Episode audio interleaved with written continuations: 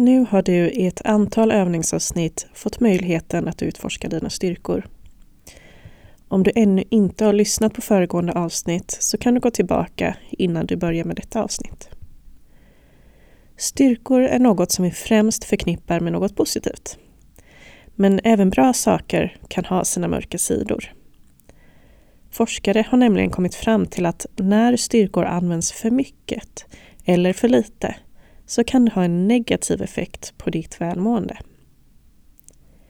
Tänk dig till exempel en person som har styrkan omdöme, vilket handlar om att tänka igenom saker ordentligt och att undersöka olika synvinklar utan att dra förhastade slutsatser. Det låter ju som något väldigt bra, eller hur? Men tänk om personen tar fasta vid styrkan så pass mycket att det skapar ett övertänkande där beslut aldrig tas och där det istället övergår till stor kritik och dömande mot sig själv eller andra. En annan styrka som ofta kommer till överanvändning är vänlighet. Då man låter alla andra komma före en själv hela tiden. Till slut kanske man upplever att man eh, blir behandlad som en dörrmatta. Det kan även uppstå tillfällen då du inte använder din styrka i särskilt hög utsträckning. Kanske använder du styrkan ledarskap hemma med din familj. Men på jobbet, då låter du inte styrkan få någon plats alls.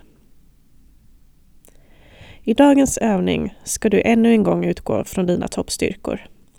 Så om du inte har koll på vilka dina toppstyrkor är, då kan du gå tillbaka till övningssnittet som heter Identifiera dina styrkor.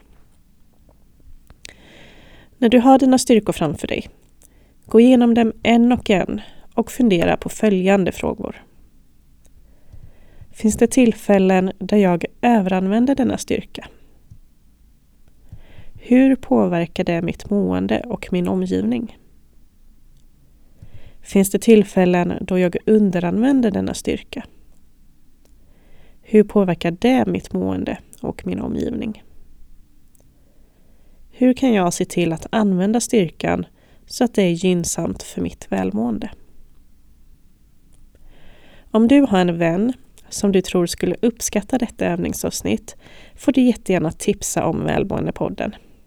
Du kan även höra av dig till oss om du har frågor eller funderingar. Du når oss via Instagram eller Facebook där vi heter Välmåendepodden. Tack för att du lyssnar.